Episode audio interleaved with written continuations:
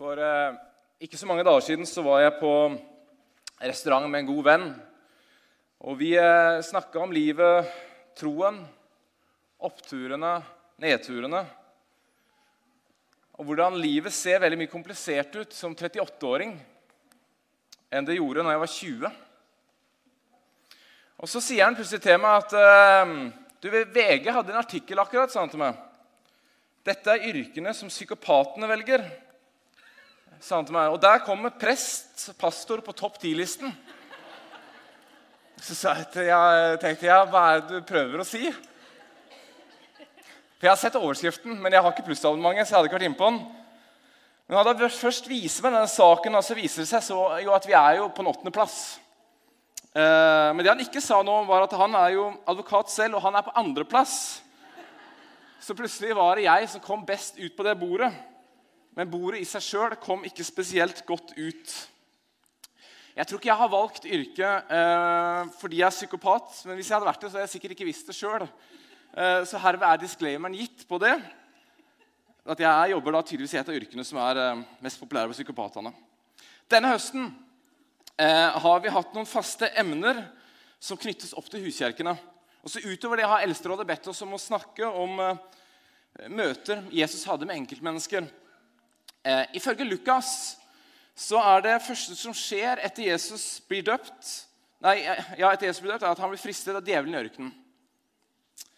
Og Han svarer djevelen med å henvise til masse skriftsitater til hvorfor han ikke vil følge det djevelen da utfordrer han til. Og Så kommer vi til vers 14, og der står det i åndens kraft vendte Jesus tilbake til Galilea. Og ryktet om han spredde seg over hele området. Han underviste i synagogene, fikk lovord av alle. Han kom også til Nasaret, hvor han vokste opp, og på sabbaten gikk han inn i synagogen slik han pleide. Da han reiste seg for å lese, rakte de fram profeten Jesajas bok. Han åpnet bokrullen og fant sted der det sto skrevet.: Herrens ånd er over meg, for han har salvet meg til å forkynne et godt budskap for de fattige. Han har sendt meg for å rope ut at fanger skal få frihet, og blinde få syn igjen, for å sette undertrykte fri. Og rope ut et nådens år for Herren. Og Så rullet han bokrullen sammen, rakte den til synagogetjeneren og satte seg. Alle i synagogen stirret spent på han. Han begynte da med å si, 'I dag er dette skriftordet oppfylt mens dere hørte på.' Alle roste ham og undret seg over nådeordene som kom fra hans munn. 'Er ikke dette Josefs sønn?' spurte de. Og med det hadde han satt agendaen for sitt virke. Alle i den synagogen kjente trolig til teksten fra Jesaja 61. At den henviste til Guds ånd. Den ånd som nå var over Jesus. Som har vært over hele veien. Så teksten fra Jesaja var en tekst som handla om å være gode nyheter for de fattige og for de trengende. For hvert 50. år så skulle det være en tid for frigjøring og gjenoppretting når alle israelittene skulle vende tilbake til sitt forfedres land de som eh, var fattige, skulle ikke bli utnyttet eller tatt som slaver. Men heller ble, heller ble behandla som innleide og løslatt ved jubelåret. Jesaja 61 ble tolket nettopp som det i det første århundrets jødedom. En referanse til dette jubelåret hvert 50. år, hvor slavene skulle bli satt fri. Og folk skulle bli behandla rettferdig. Men idet Jesus da begynner å tolke Skriften ved å fortelle dem at når de da hører dette, så har dette blitt oppfylt i deres nærvær. Og han så peker videre på at han er selv oppfyllelsen av denne profetien. Så begynner stemningen å snu. Og Det som startet så flott, ender opp med at de jager en ut av byen. Og De neste kapitlene i Lukas drar Jesus fra by til by og nettopp demonstrerer hvordan det ser ut når Guds godhet møter mennesker. Gjennom å lære dem, gjennom å helbrede de syke. Og Derfor må vi vise hvordan frelsen Jesus og Gud tilbyr er. Vi skal stoppe litt opp i en av de tekstene, i Lukas 5. Og På det tidspunktet her så er det ikke spesielt mye tvil lenger om at Jesus er blitt kjent i områdene. Det har spredt seg. Og mennesker flokker seg rundt den. Og plutselig befinner han seg i et hus. Og det er så mye mennesker der at folk begynner å rive opp taket for å få til mennesket til den lamme mannen. De river opp taket for å få fram en lam mann til med båre. Og det dere må registrere i den teksten I den gjengen her, i det huset, så er det ikke bare tilhengere her. Det står faktisk at det var både fariseere og lovere til stede. Trolig for å observere hva er det som foregår rundt denne mannen. Sannsynligvis med et kritisk søkelys. De hadde kommet fra landsbyene i Galilea, står det, i Judea og til og med Jerusalem. Før vi sier så mye mer, så gå oss inn teksten. En dag holdt Jesus på med å undervise. Da satt fariseere og lovlærde der som kom fra alle landsbyene i Galilea, og Judea og fra Jerusalem. Jesus hadde Herrens kraft, så han kunne helbrede. Da kom det noen menn som bar en lam mann på en båre. De hadde forsøkt å bære han inn og legge han ned foran Jesus. Men fordi det var uråd å få han inn pga. trengsel, gikk de opp på taket, fjernet noen takstein og firte ham ned båren midt foran Jesus. Da Jesus så deres tro, sa, tro, sa han, 'Venn, syndene dine er tilgitt.' Men de skriftlige fariseerne tenkte straks, 'Hva er dette for en som spotter Gud?' Hvem andre kan tilgi synder enn Gud alene? Jesus visste hva de tenkte, og sa til dem, 'Hva er det for noen tanker dere går med hjertet?' Hva er lettest å si? Syndene er tilgitt, eller stå opp og gå? Men for at dere skal vite at menneskesønnen har makt på jorden til å tilgi synder, så vendte han seg nå til den lamme. Så sier jeg deg, stå opp, ta båren din og gå hjem. Og straks reiste mannen seg foran øynene på dem, tok båren han hadde ligget på, og gikk hjem mens han lovpriste Gud. Alle ble helt ute av seg undring og priste Gud. De ble grepet av frykt og sa, 'I dag har vi sett det utrolige.' Og i dette mylderet, også blant de menneskene som var her av helt andre grunner enn at de var hengitt til Jesus, så kommer denne gjengen da, bærende. Tror de fire stykk. Og De er ikke der for å vurdere om Jesus driver med blasfemi. Eller om han tar for store ord i sin munn om hvem han er. I kontrast til de så kommer disse fire for å få denne mannen foran Jesus. Så han kan gjøre sine underverker med ham. Og de gjør alt det de kan for å komme fram gjennom denne folkeskaren. Og så ta til slutt taket til hjelp. Fjerne det senke vennen sin foran denne unge rabbineren. Og oppriktigheten i strevet deres for å få denne mannen foran Jesus. De som var i det huset, som var kritiske, som var der for å arrestere ham, lurer på hva han egentlig holdt på med. De må jo ha tenkt kynisk for en absurd sløsing av energi å rive opp taket og stresse for å få denne mannen foran Jesus. Situasjonen er helt annen for den mannen på den båren. Og for disse vennene. De forsto trolig hvem Jesus var. Det var ingenting som virka mer viktig for dem enn å få han fram foran Jesus. Og så skjer det noe fantastisk her.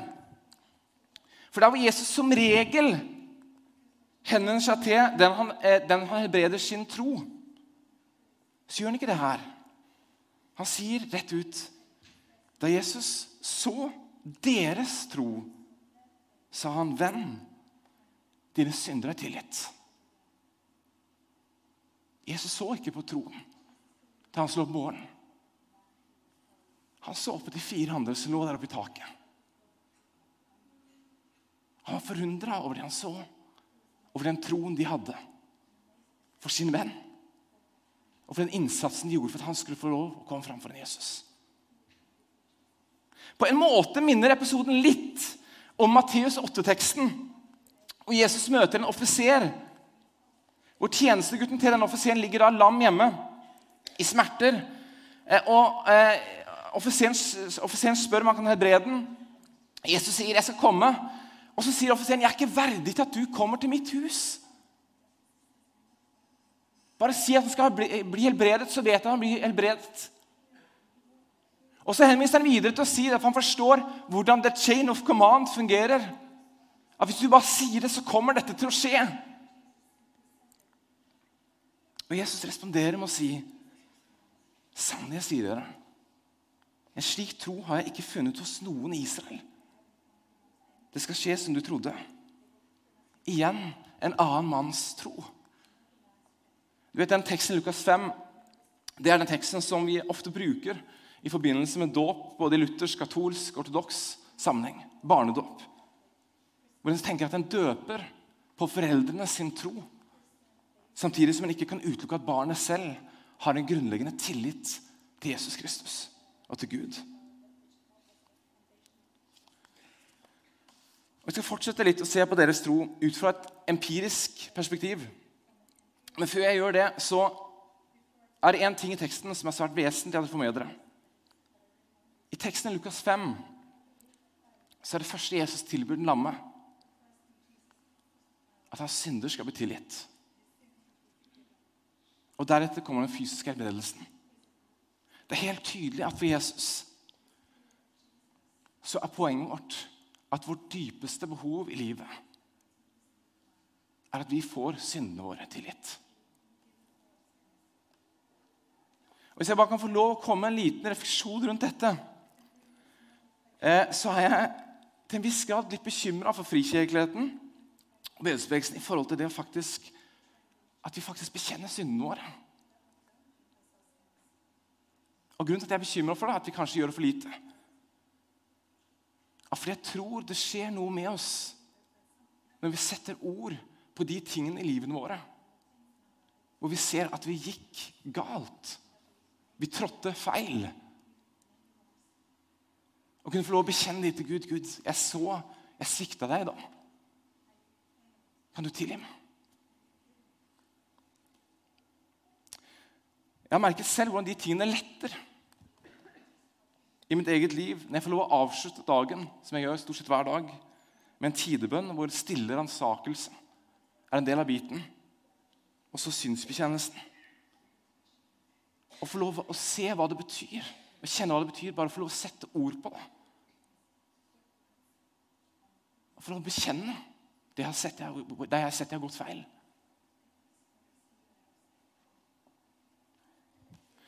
Ok, tilbake til deres tro. For mannen som ble senket ned, og for den tjenestegutten til offiseren, så var det helt avgjørende. Altså, troen til de andre var helt avgjørende for dem. At de var villige til å strebe etter å møte Jesus. At disse fire reiv opp et tak for å få ham fram. Og Det sto ingenting om det lamme sin tro her i det hele tatt. Før etterpå. Så mange måter er det nærmest en stikk mot de teologiene som sier at vi må ha en riktig mengde tro for å kunne bli helbredet. Men disse tekstene sier egentlig noe annet. De berører ikke troen til de som blir helbredet, i det hele tatt. Men de viser troen hos de andre. Jesus ser ut til å ikke være bundet av noen mal i det hele tatt på disse tingene. Vi skal fortsette på deres tro hvordan det ser ut i dag. Hvilken tro er det vi ser til i dag? Hvis vi nå spoler fram 2000 år, plasseres i Norge, så tror jeg de fleste av oss vil si at kanskje overfor våre barn og våre barnebarn Hva er det som kjennetegner de menneskene og de karaktertrekkene hos oss som gir oss en hva skal jeg si, innflytelse, mulighet til å få en innflytelse på troen til våre barn, til våre venner, til våre barnebarn, til vår familie. Hva er det i et liv som skaper tillit? Som igjen gir dem rom i et annet menneskes liv til å formidle noe av tro som oppleves meningsfullt. Som faktisk blir lyttet til. Dette er et av de spørsmålene som jeg jobber med i en eh, doktorgrad i teologi som jeg har fått lov å holde på med i, eh, som en del av jobben min nå i et par års tid. Under et prosjekt, PhD-prosjekt som er kalt 'Tidlig påvirkning etablert tro'. Fortsatt er jeg midt i den empiriske forskningen Eh, det betyr at jeg har hatt en stor kvantitativ undersøkelse blant 585 mennesker, informanter, som sier noe om det. Eh, men jeg har fortsatt ikke tatt intervjuene, som jeg skal følge opp en del av de med. For å kjapt si noe om disse informantene, disse 585 menneskene, så er de spredt over hele Norge. De er født mellom 1981 og 1991. De er fra alle mulige kirkesamfunn og organisasjoner. Og De svarer da i retrospektiv. Det betyr at de, de ser da tilbake i sitt liv. Hvem har betydd noe? Hva kjennetegnet de som betydde noe for min tro? De som fikk en innflytelse på hva jeg tenker rundt tro i dag?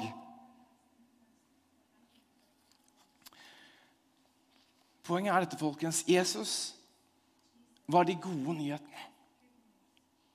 Det så dere i den første teksten jeg tegna opp. Jesaja 61. Alle visste at den betydde de gode nyhetene for de fattige og trengende. Og de strømmet til ham pga. de gode nyhetene. Det viste jeg i tekst 2 i Lukas 5. De strømmet til ham, for de forsto dette er de gode nyhetene. Det var en grunn til at de ikke kom inn i det huset. Men han fortsetter å være de gode nyhetene i generasjon etter generasjon etter generasjon etter generasjon. Det stopper ikke. Fordi ingen kan erstatte Jesus Kristus. Han fortsetter å være det gode håpet år etter år. I land etter land.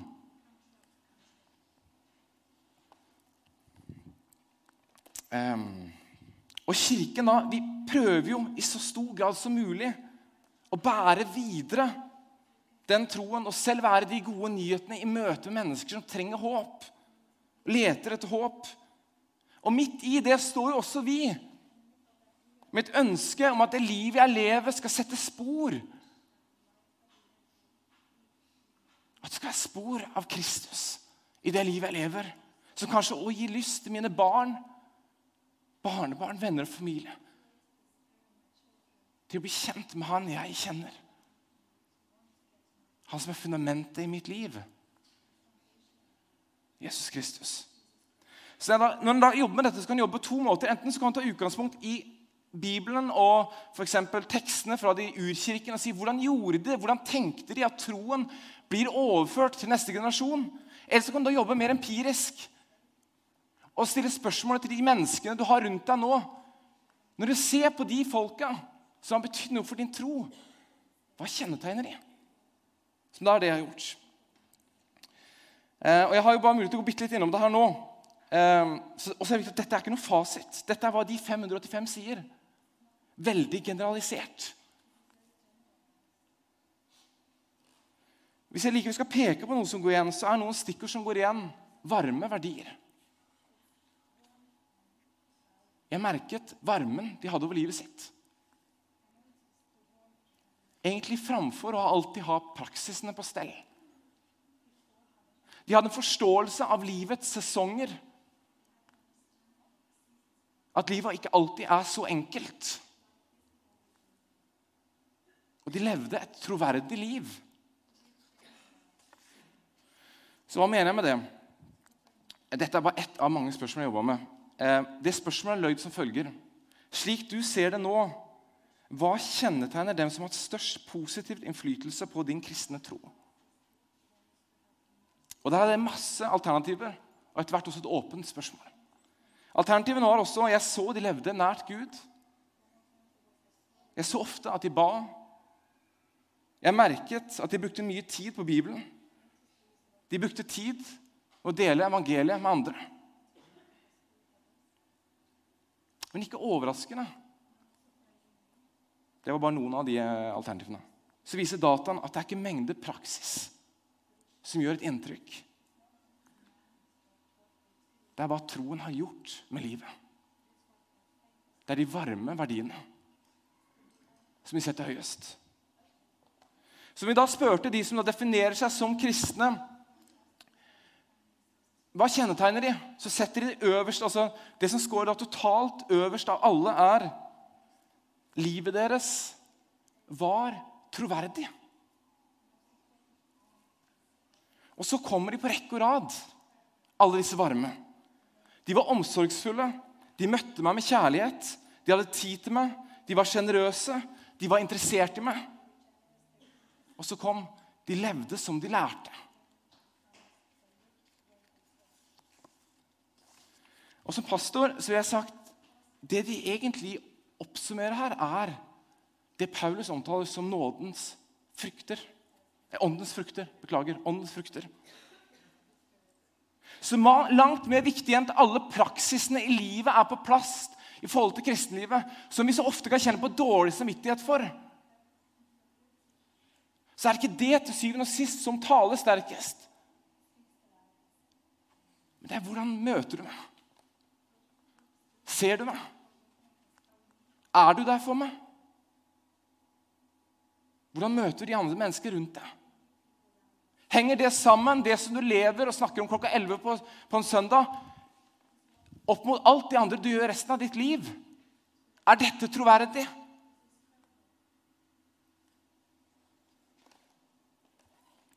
Og husk, dette er, ikke, dette er ikke ungdommer. Dette er ikke barn. Dette er 30-40-åringer som ser tilbake på hele sitt liv og skal si noe. Hvem har hatt en påvirkning? Og fortsatt så er det det. De varme verdiene. Hvordan ser du meg? Møter du meg?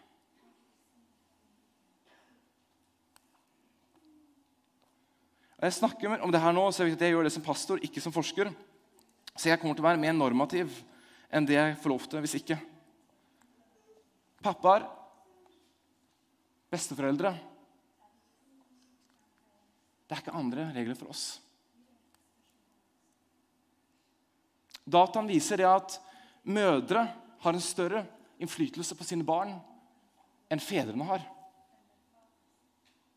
Og Jeg finner en korrelasjon mellom hvor sterk følelsesmessig tilknytning varm følelsesmessig tilknytning det er mellom informanten og det den omtaler, og, og, hvor mye påvirkning, altså innflytelse, den har på troen. Jeg skal forklare det litt enklere.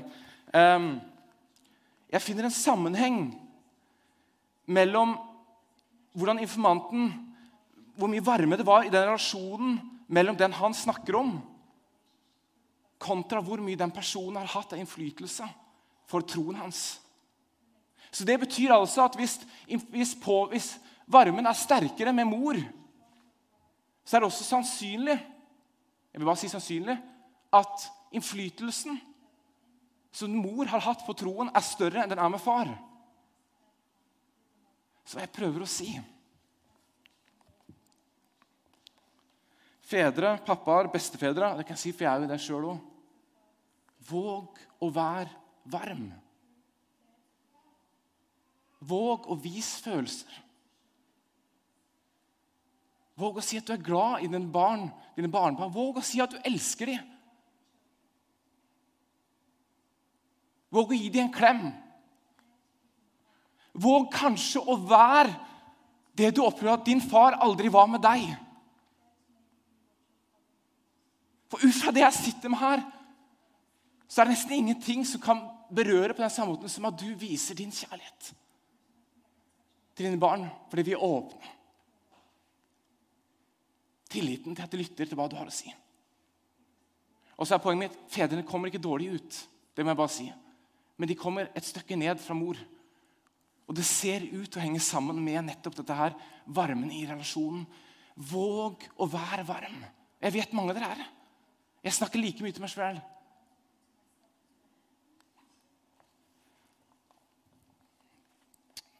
Og Vi trenger ikke å gå så veldig mye lenger til Jesus for å se at dette var en del av livet hans òg. En del ble helt paffe av hvordan han møtte dem. For de, til, de forventa at han kom til å være hard mot dem. At han kom til å svare med dem, akkurat som de av og til opplevde at loven kunne være litt hard. Men så møter han dem varmt. Kanskje bortsett fra da de som mente at de hadde absolutt alt på stell. Og Når det kommer til de mer åpne spørsmålene knytta til dette punktet i undersøkelsen, og jeg ber dem å sette litt mer ord på det sjøl, så er det en ting til som kommer tydelig fram. Og det er at de evnet å forstå at livet er ikke svart-hvitt. De evna å møte meg der jeg var, og de forsto at livet er ikke svart-hvitt. Og svart-hvitt svar ofte ikke fungerer. Jeg, jeg, tror det Jeg tror kanskje det stemmer, og det tror jeg, så, sånn som pastor så tenker jeg det. Av og til har jeg en tendens å si hei til å kunne gi litt for svart-hvitt svar. Istedenfor å prøve å forklare hvorfor vi tenker sånn som vi gjør. Problemet er det at det kan kanskje fungere en periode. Men på et eller annet tidspunkt så opplever jeg at livet er jo ikke bare svart-hvitt. Det er veldig mange nyanser av grått. Problemet er at hvis vi da ikke har lært opp at Bibelen, du tar med Bibelen inn i livet ditt der du er, jobb med det der du er Hvis ikke vi har gitt det rommet, men vi bare tenker at sånn er det, punktum, uten å diskutere hvorfor så får vi en utfordring med at når de da kommer til det punktet i livet hvor de Oi sann, her er det ikke svart-hvitt. Her opplever jeg nyanser av grått. Så er faren at de legger bare Bibelen vekk, troen vekk, fordi de evner ikke forstå hvordan skal jeg bruke dette inn i livet mitt. Og skape mening. Livet er fullt av nyanser. Og troen, Bibelen, Gud, kan fint bære det. Bibelen er fullt av folk og mennesker med liv med svært mange nyanser. Og han er der.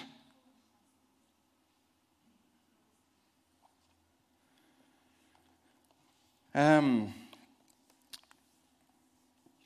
Tilfeldigvis i arbeidet med talen her så kom jeg over en artikkel i Vårt Land og Dagen som sto nå helt til slutten av uka, som handla om eh, Rune Stormark, som var frikirkepastoren fra Vennesla som mistet troen for en del år siden, men som hadde funnet den igjen. Og I vårt land så, eh, så stiller, får Stormark spørsmålet er du redd for å miste troen igjen. Og Så svarer han dette. Nei, de forestillingene jeg hadde om Gud da jeg var yngre, forhindret meg å se hvem Gud egentlig er. Min erfaring nå er at Gud aldri er borte. Menneskets tro svinger fra livsfase til livsfase, men Gud er der alltid likevel. Når jeg leste dette, så tenkte jeg at dette korresponderer veldig godt med det informantene forteller meg. 62% av de jeg jobber med, sier at de har hatt en annen tilnærming til tro i løpet av livet. Og for nærmere en fjerdedel av de så har tilnærmingen til tro forandra seg flere ganger i løpet av livet. Og Mye handler om erfaring med livet som ikke de vet hvordan de skal få troen og Bibelen og Gud til å passe inn i og bygge det opp rundt det og forstå det. og som utfordrer siden av troen. Og Da tenker jeg, da er det så viktig at vi for å lande trøtt at vi har erfart at vi kan arbeide med troen gjennom livet. Både i gleden, men også i sorgene. Også i dalene hvor vi har det som verst. Han er der. Han ønsker å være i vårt liv.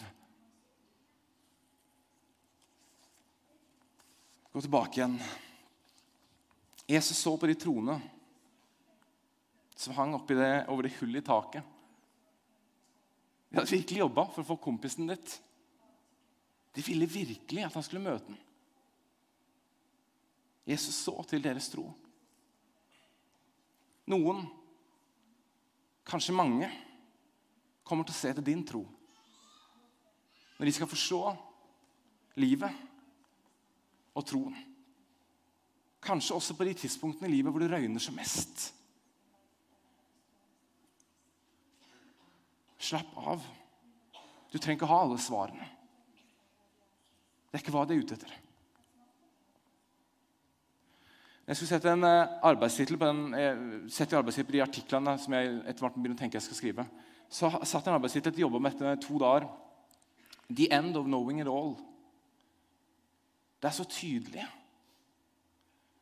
eh, at det å møte mennesker som tror de har svar på absolutt alt er det stikk motsatte av å skape tillit. Kontra det å møte mennesker som godt kan forklare hvorfor de mener det de gjør, men de er åpne på at det er også en del ting de ikke helt forstår. Troen er en gave. Troen er ingen konkurranse. Og troen former oss, forandrer oss, transformerer oss. La det vokse fram i det enn å skulle prestere noe som helst. Jesus provoserte den gjengen i synagogen da han uttrykte at teksten fra Jesaja 61 gikk i oppfyllelse foran øynene deres. Men de kom ikke til å tro det. Han sa det rett ut. De kom ikke til å tro det. Og de ble illsinte og raga han ut av byen. Det han egentlig formidlet, var at de gode nyhetene har kommet. Og det er de samme nyhetene vi møter mennesker med i dag, der de er. Men du trenger ikke å ha alle svarene. Men du må møte dem som et godt, varmt medmenneske. Lytte. Se dem. Og midt i dette så er Kristus til stede. Fordi han bor i ditt liv. Og måten du møter dem på, ikke alltid svarene, er kanskje det som forteller dem Kan jeg ha tillit til det du kommer med? Det som du bygger livet ditt på. Som er Herren Jesus Kristus.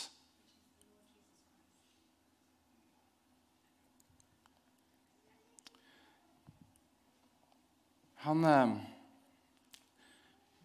Men det som de kanskje kan ha lyst til å høre, er hvem er han for deg? Hva gjør han i ditt liv? Og hvordan former det livet ditt?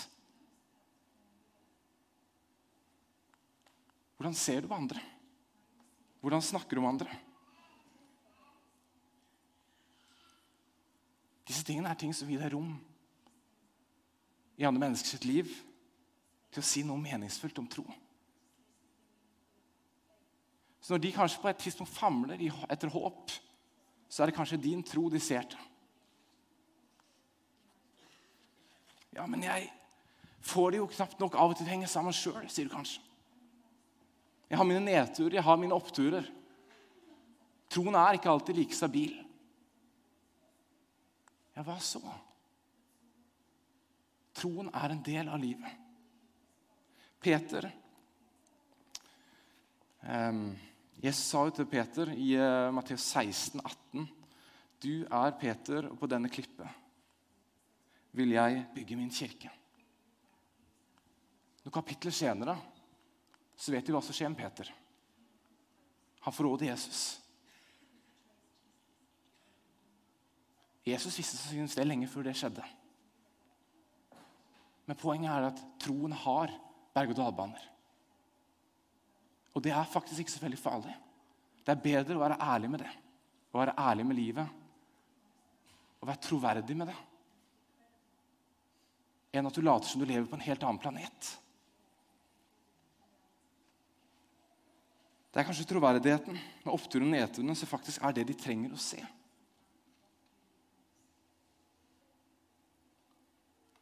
Men en tro som fortsatt forblir, og et liv som over tid vitner om Kristus. Ikke, igjen, ikke minst gjennom åndens frukter. Som skjer fordi troen transformerer oss. Troen forandrer oss. Det er troens vesen. Fordi Kristus bor i oss.